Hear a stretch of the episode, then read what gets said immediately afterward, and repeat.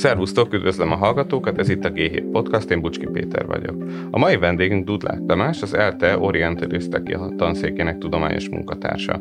Tamás kutatási területe Törökország és a közel-kelet, és Iránnal kapcsolatban az Energy Policy folyóiratban jelent meg néhány éve egy nagyon érdekes cikke, ami a szankciók hatásait eh, vizsgálta a kőolaj és földgázipar, és ez szerintem igen releváns most, hogy Oroszország is elég hasonló szankciókkal néz szembe. És ami nekem nagyon érdekes volt, hogy ez a kutatás azt is vizsgálta, hogy mi történik akkor, amikor enyhítenek egy szankciókon, és nagyon örülök, hogy itt vagy, és erről szeretnék felbeszélgetni. Köszönöm szépen a meghívást, szervusz, boldog új évet kívánok a hallgatóknak tényleg azt, azt lenne jó körbe járni, hogy Irán azért mégiscsak évek óta az egyik legszankcionáltabb ország, hát most Oroszország ugye darabszámban lehagyta meg még Szíria is, és érdekes módon még Észak-Korea se kap olyan sok szankciót, mint Irán. Hát mégis évtizedek óta működik ez az ország, ugye tudjuk, hogy különösen a légiparban és a kőolaj és földgáziparban rengeteg szankció volt, Ugye sokan mondják, hogy akkor nem működnek ezek a szankciók, hogyha ha évtizedek alatt is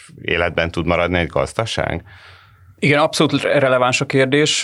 Nos, hát valóban Irán az egyik legszankcionáltabb gazdasága a világon, és hogyha számba vesszük a szankciókat, akkor egészen a régmúltba visszamehetünk, tehát 1979-ig, amikor is az iráni forradalom elsöpörte a sa uralmát, amelyet az amerikai Egyesült Államok támogatott, emiatt rögtön szankciókat vezettek be az iráni iszlám köztársaság ellen.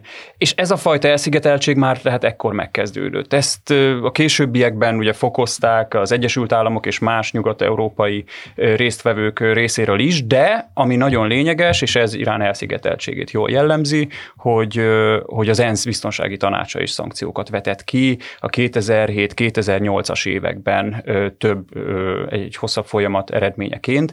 Ez azzal volt indokolható, hogy Irán ekkoriban már tudottan nukleáris fegyverek kifejlesztését kezdeményezte. Ennek voltak bizonyítékai, és azóta ugye e körül, a kérdés körül kulminálódik a szankcióknak a kérdése, de alapvetően a szankciók nem csak a nukleáris fűtőanyag előállítását próbálják meg akadályozni, hanem általánosságban gazdasági szankciókról beszélünk. És hogyha gazdasági szankciókról beszélünk, akkor alapvetően ezek politikai aktorok ellen működnek, és hogy működnek-e vagy nem, azt majd itt szerintem meg tudjuk hosszasabban beszélni, de mindenképpen az a célja általánosságban egy szankciónak, hogy valamilyen magatartás formát a megcélzott politikai aktortól kicsikarjon effektíve.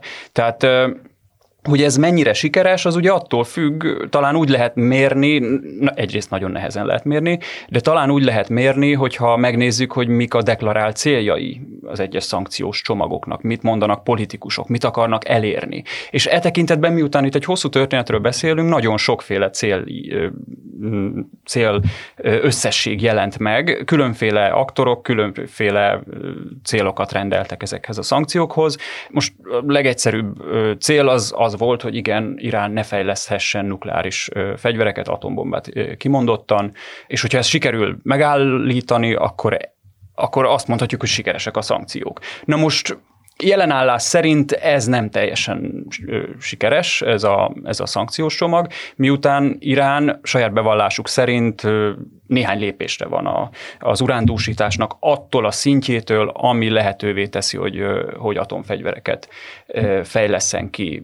Saját bevallásuk szerint ez néhány hét, tehát ők már tényleg csak egy politikai döntésre várnak a tekintetben, hogy, hogy, hogy ez megtörténjen. Valószínűleg túloznak, de miután probléma van a nemzetközi megfigyelők, a Nemzetközi Atomenergia Ügynökség megfigyelőinek a, a, a helyszíni vizsgálataival, Irán nem engedi be őket.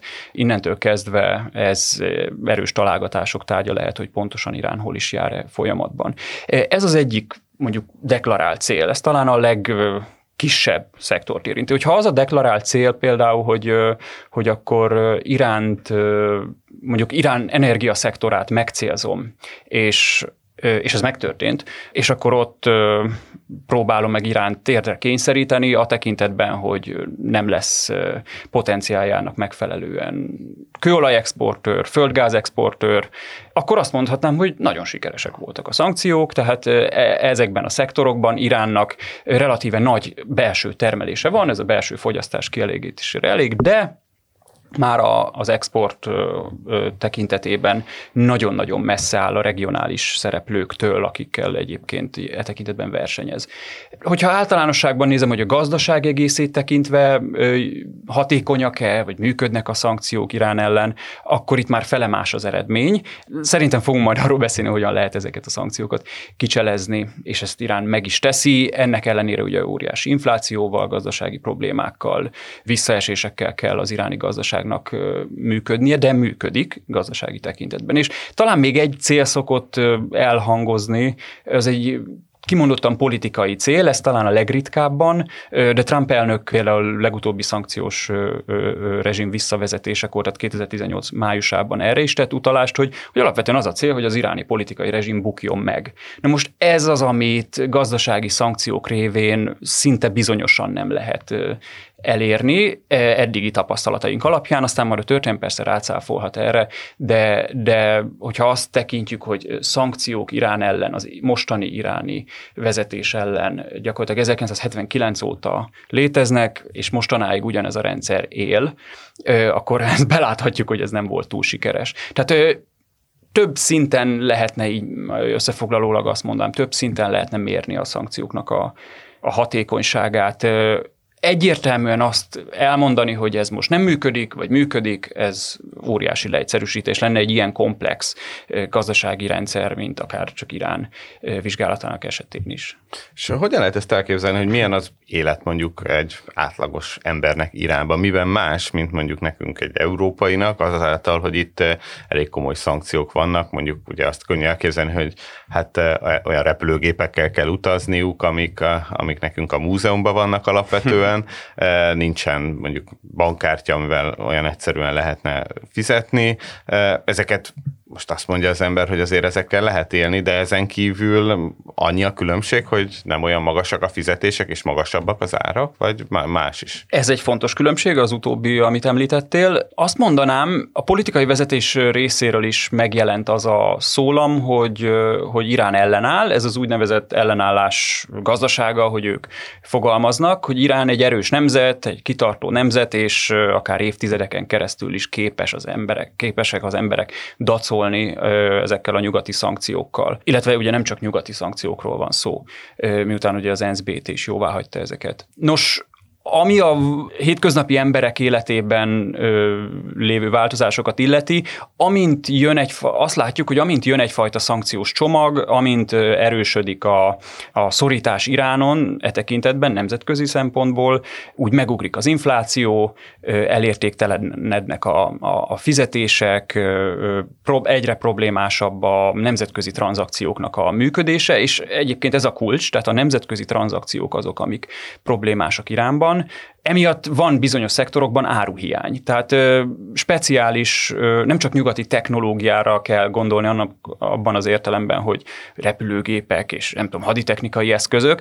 Ezek nélkül úgy, úgymond el lehet lenni legalábbis a hétköznapi emberek szintjén, de mondjuk amikor olyan speciális gyógyszerek nem tudnak bejutni az országba, vagy csak nagyon drágán, vagy egyáltalán csak hiány, hiányoznak a kórházakból, polcokról, akkor, akkor bizony az egyszerű mindennapi ember is azzal szembesül, hogy hát itt, itt komoly, komoly hatásokkal jár ez a szankció.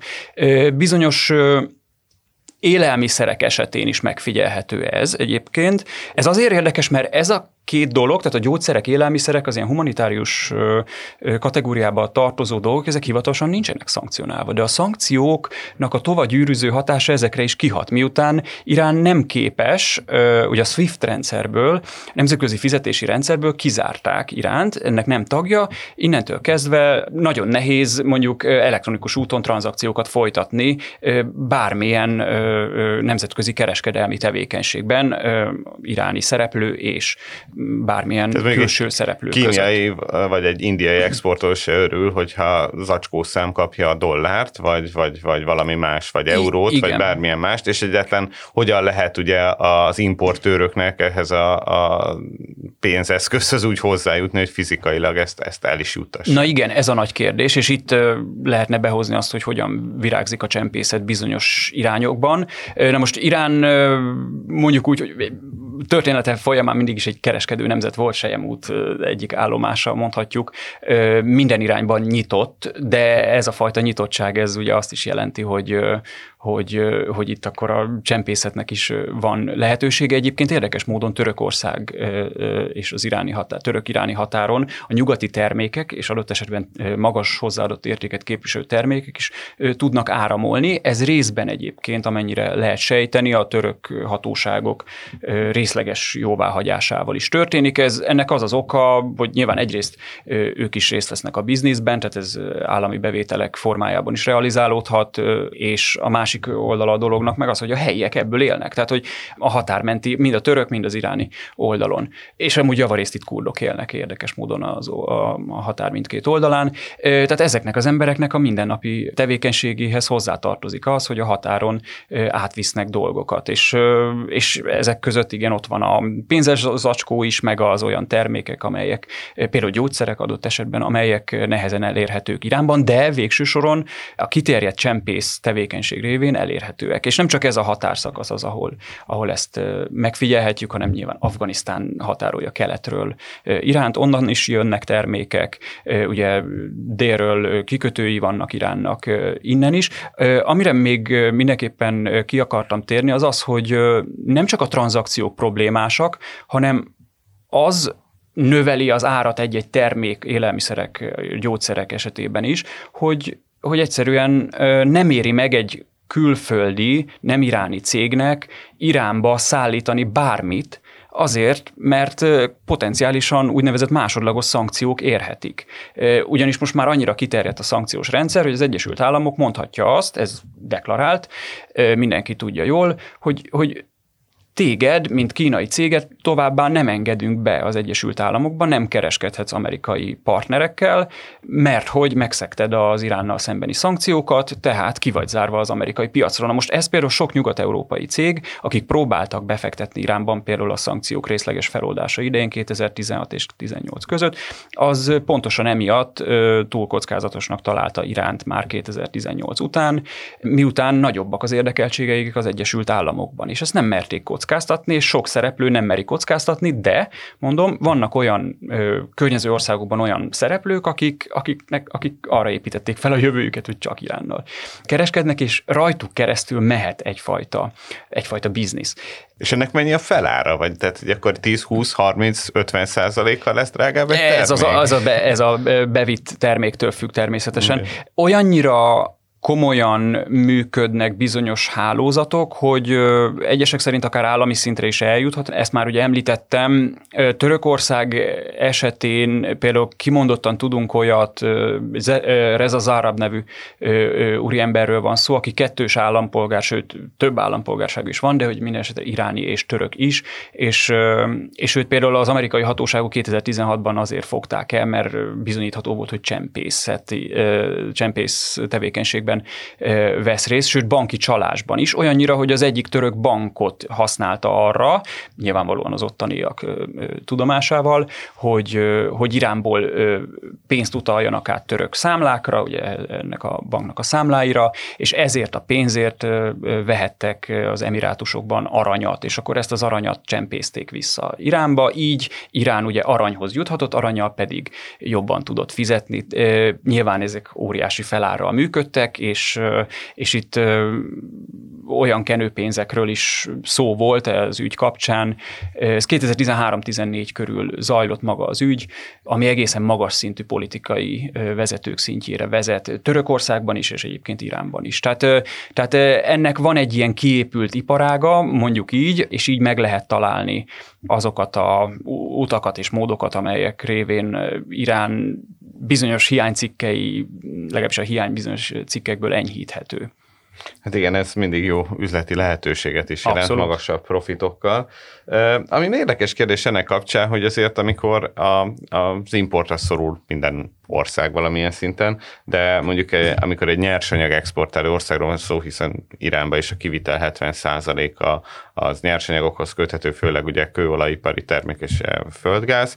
Ilyenkor milyen hatása van annak, hogy mondjuk ez a kivitel mennyire korlátozza egyrészt a behozatal, tehát gondolom az lenne a cél, hogy minél többet exportálhassanak, és akkor minél többet tudnak importálni, de tehát, hogy ez mennyire túl fontos cél, hogy ugye a szocializmusban is emlékezhetünk, hogy milyen fontos volt a, a nyugati irányi export emelése, hogy meg, megfelelő dollár és márka legyen az import fedezésére, hogy ez, ez erre külön politika is van esetleg Iránba, vagy ez ilyen kiemelt szempont? Abszolút az lenne, de a szankciók, mint említettem itt talán a legelején, hogy e tekintetben, tehát az energiahordozók exportja tekintetében a leghatékonyabb. Sőt, nem csak az export, hanem a belső helyi iráni termelés amortizációjához is hozzájárulnak a szankciók.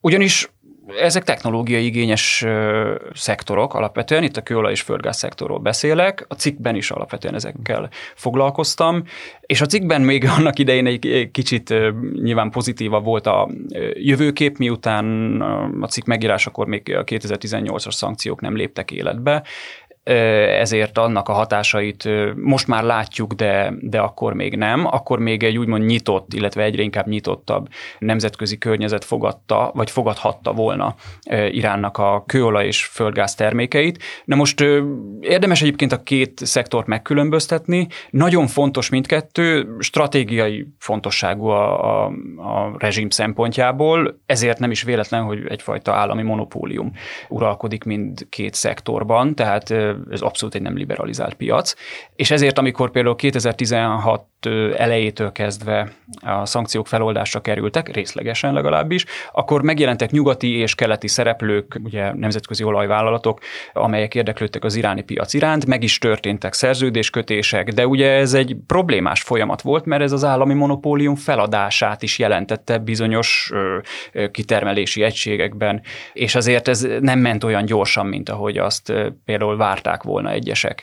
De ez le is állt, ugye, legalábbis a nyugati szereplők részvétele, ezért Irán gyakorlatilag ma arra elegendő kőolajat és földgáz termel, hogy nagyon minimálisan tud kőolajat exportálni, még mindig vannak például kínai szereplők, akik vesznek ilyen eredetű olajat, Emiatt egyébként nem is olyan régen az USA szankcionálta őket, tehát ez pont nem régi, az, tehát idei, idei hír, de ezek kis szereplők, néhány százezer hordóról van szó naponta, amit, amit Irán tud exportálni, úgy, hogy mellette Szaudarábia, ami nyilván sántít az összehasonlítás, de azt mondanám, hogy hasonló kaliberű és potenciáljú ország, ami a kőolaj, kőolaj exportot illeti, és Szaudarábia nagyjából napi szinten mondjuk 10 millió hordót exportál. Tehát láthatjuk azt, hogy Irán a néhány százer hordójával óriási visszaesést kell, hogy elszenvedjen az exportot illetően, de a belső piacot el tudják látni, ez fontos, ez a rezsim szempontjából is nagyon fontos, hogy, hogy a, az emberek megkaphatják az egyébként támogatott áru kőolajtermékeket. Ami meg a földgázt illeti, itt Iránnak óriási technológiai lemaradása van, és ez, ez itt a kulcs, hogy ezek a technológiák, például az LNG, tehát a cseppfolyósított földgáz technológiája, az, ezt egyszerűen nem sikerült Iránban kiépíteni. Márpedig ez lenne a kulcs. Itt például Katarral érdemes összehasonlítani Iránt, igen, azt hiszem legutóbbi adat, nagyjából legutóbbi adat szerint Katar 110 milliárd köbméter földgázt exportál egy évben, ugye Katar nagyon kicsi ország, de hasonló potenciállal rendelkezik, mint Irán, ami a földgáz termelést illeti, míg Irán pedig nagyjából maximum 20 milliárd, tehát 110 és 20 milliárd a két szám, és ezt is Irán már meglévő vezetékeken tudja elérni. Az LNG amit ugye említettem, ott viszont ez egy problémás dolog, mert mi Katar LNG formájában, tehát cseppfolyósított földgáz formájában exportál, addig Irán esetében ez nem lehetséges, és ez óriási hátrány. Mert Irán lehetséges földgázpiacai távol helyezkednek el, mint hogy Katarnak is távol helyezkednek el. Tehát az, hogy a szomszédos államokba, például Törökországban, amely ilyen szempontból földgázhiányos ország, oda szállít, ez egészen minimális, mint ahogy említettem, de ha megnézzük a környező országokat, akár mondjuk Irakot, vagy Türkmenisztánt északról, vagy Azerbajdzsánt, ezek önmagukban kőolaj és földgáz hatalmak. Tehát Irán körbe van véve az öbölben is végig ugye a kis öböl országokkal, olyan országokkal, akik potenciálisan versenytársai. Tehát még ha fel is futtatná Irán az energiahordozók exportját, akkor is egy óriási versennyel és regionális ellenállással kellene szembenéznie. Tehát egyébként, és innen jön akkor egy következtetés, egy ilyen óvatos következtetés, hogy bizonyos szempontból regionális szereplők sem feltétlenül érdekeltek abban, hogy, hogy az Irán elleni szankciók ö, feloldásra kerüljenek. Ezt valaki deklarálja is, tehát mondjuk a szaudiak, pontosan azért, mert ez nekik versenyhelyzetet jelentene kőolaj és földgáz export szempontjából.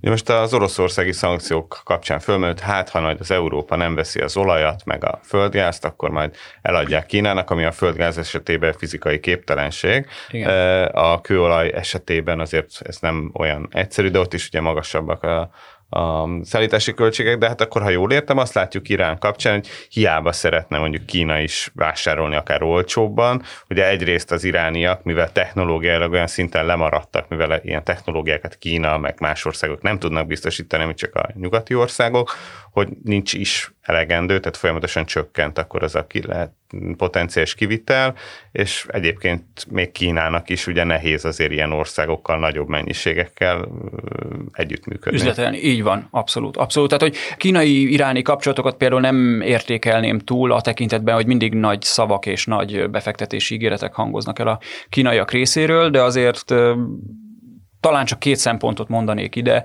Az egyik az, hogy lássuk be azt, hogy Irán a maga relatíve elszigetelt, sőt egészen elszigetelt gazdaságával nem igazán illeszkedik a kínai külpolitikai törekvésekbe, itt, hogyha az új út projektre gondolunk, tehát az, hogy Iránon keresztül valamiféle ilyen megbízható közlekedési és adott esetben energiakorridor haladjon végig, ez, ez meglehetősen problémás, például kínai szempontból.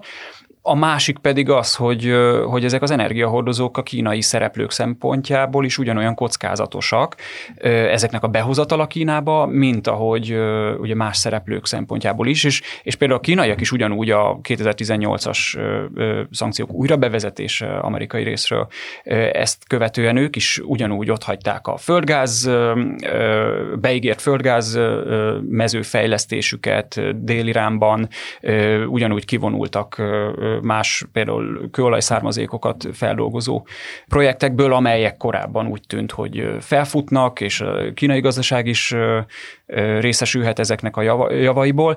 Mm, a másik szempont meg még az, hogy, hogy jelenleg Szaudarábia meg a többi öböl ország fontosabb partner Kína számára. Tehát ők megbízhatóan, konkrétan Szaudarábia azt hiszem első vagy második legnagyobb kőolajbeszállító napi szinten ugye Kína számára, tehát az oroszokkal vetekedik e tekintetben, és egyszerűen ők, ők megbízható partnerek, miért kockáztatná ezt a viszonyrendszert Kína Iránnal szemben. Tehát, tehát ugyanezzel a dilemmával nyugati cégek is szembesülnek, és ugyanezzel a dilemmával Kína is szembesül. Ugyanakkor olvastam egy ilyen érdekes megjegyzést, téma szakértői jegyezték meg, hogy Kínának van egy olyan nagyon erős politikai elköteleződése is, hogy nem szabad mindenben engedni az Egyesült Államoknak, tehát ezért van az, hogy még mindig vesznek egy csipetnyi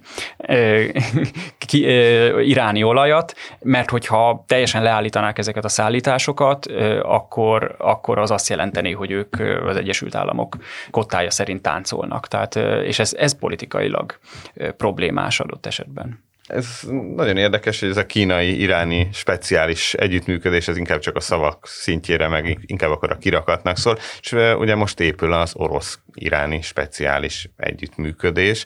Itt nagyon érdekes kérdés, hogy ugye ez a két ország, mint a alapvetően ugyanazzal a problémával nézne e, szembe, hogy a világpiacról kiszorultak, ugyanúgy kőolaj és e, gázipari termékeket próbálnának értékesíteni, ugyanúgy technológiai hiányosak. Mennyire lehet ebben potenciál? Tud ez a két ország egymásnak valamiben segíteni? Hát ugye annyit láttunk egyelőre, hogy, hogy kamikaze drónokat adott el Irán e, Oroszországnak mintha nem tudom, hogy ebben gazdaságilag van-e olyan potenciál, amiben ők egyetlen ki tudják egymást segíteni, vagy, vagy tapasztalatot megosztani legalább. Igen, szerintem a lényegre rátapintottál, tehát tényleg két olyan gazdaságról van szó, ami egészen hasonló szerkezetű, mondjuk így. Azok a termékek, amivel részt vesznek a, a világkereskedelemben, azok, azok gyakorlatilag ugyanazok.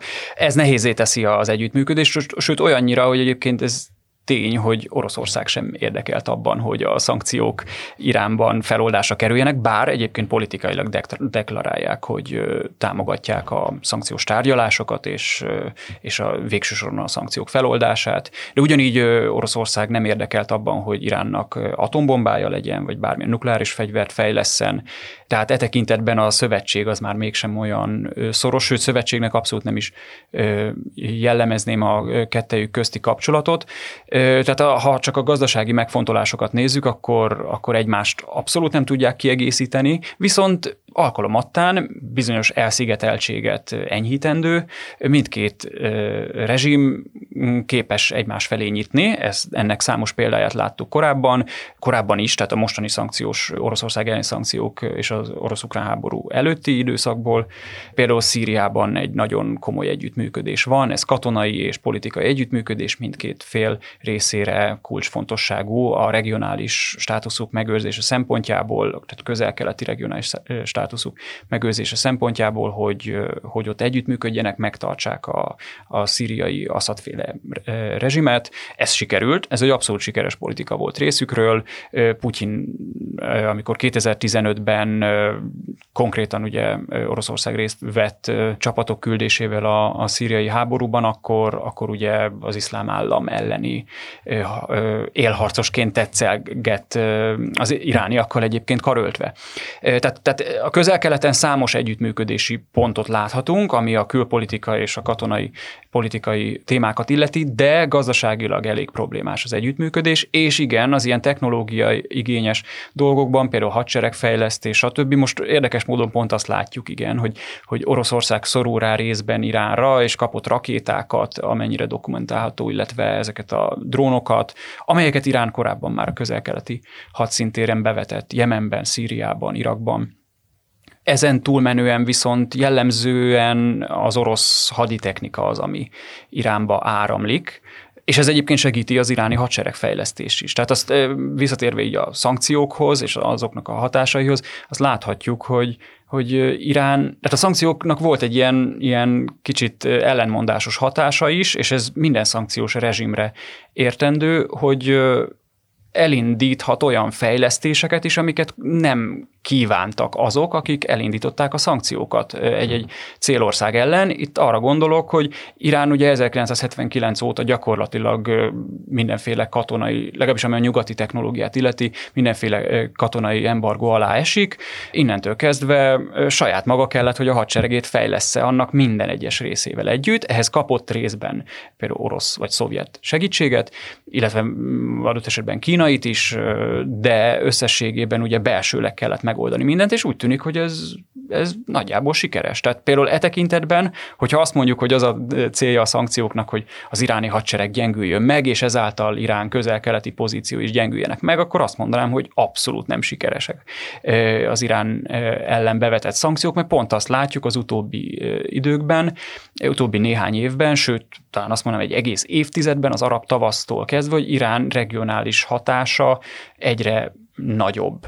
Ez sok tényezőnek a összefüggéséből is adódik, nem csak a szankciók hatékonytalansága abból következik, hanem, hanem, hanem abból is, hogy, hogy, hogy ugye más nem regionális szereplők meggyengültek, az Egyesült Államok mondhatjuk relatíve kivonult, vagy legalábbis visszavonult a közel-keleti hadszintéről. Tehát itt egy ilyen nagyon nagy összefüggésrendszer van, aminek egyes elemeiben azt láthatjuk, hogy igen, az iráni gazdaság szenved, meg az hétköznapi emberek szenvednek, bizonyos szektorok szenvednek, például hosszú távon nagyon nehéz lesz az iráni kőolaj és földgáz termelést, akár csak a helyi igények kielégítésére fenntartani, de például a hadseregfejlesztés, ballisztikus rakéták fejlesztése, egyéb, akár ilyen drónok, ilyen softa technológiáknak a, a fejlesztése, vagy behozatala, ez abszolút lehetséges Irán számára, és ez igen, ez a nap végén ahhoz a kérdéshez vezet, hogy akkor miért is vannak szankciók, hogyha, hogyha Irán veszélyesebb bizonyos szempontból, mint korábban, legalábbis nyugati szemszögből mindenképpen így tűnik. És egyébként ezek a technológiai fejlesztések, ezek mennyire tehát high-tech, tehát behozzák külföldről az egyes, becsempészik az egyes alkatrészeket, amiből össze lehet szerelni ilyen eszközöket, vagy inkább ilyen, ilyen fapados megoldásokat választanak, amihez megfelelő eszközöket akár jó részt helyben elő lehet állítani. Tehát ebbe mit lehet, mert itt különösen ugye Oroszország elleni szankciók, és sokan azt várták, hogyha olyan elektronikai alkatrészekhez nem jutnak hozzá, amik mondjuk a, a balisztikus rakétákhoz kellenek, vagy, vagy akármilyen komolyabb fegyver típushoz, akkor az majd visszaveti ezeknek a termelését, vagy esetleg azt látni, hogy akkor majd valami egyszerűsített megoldást találnak erre. Azt mondanám, hogy mindkettőre van példa, semmiképpen nem becsülném le az iráni mérnöki képességeket, tehát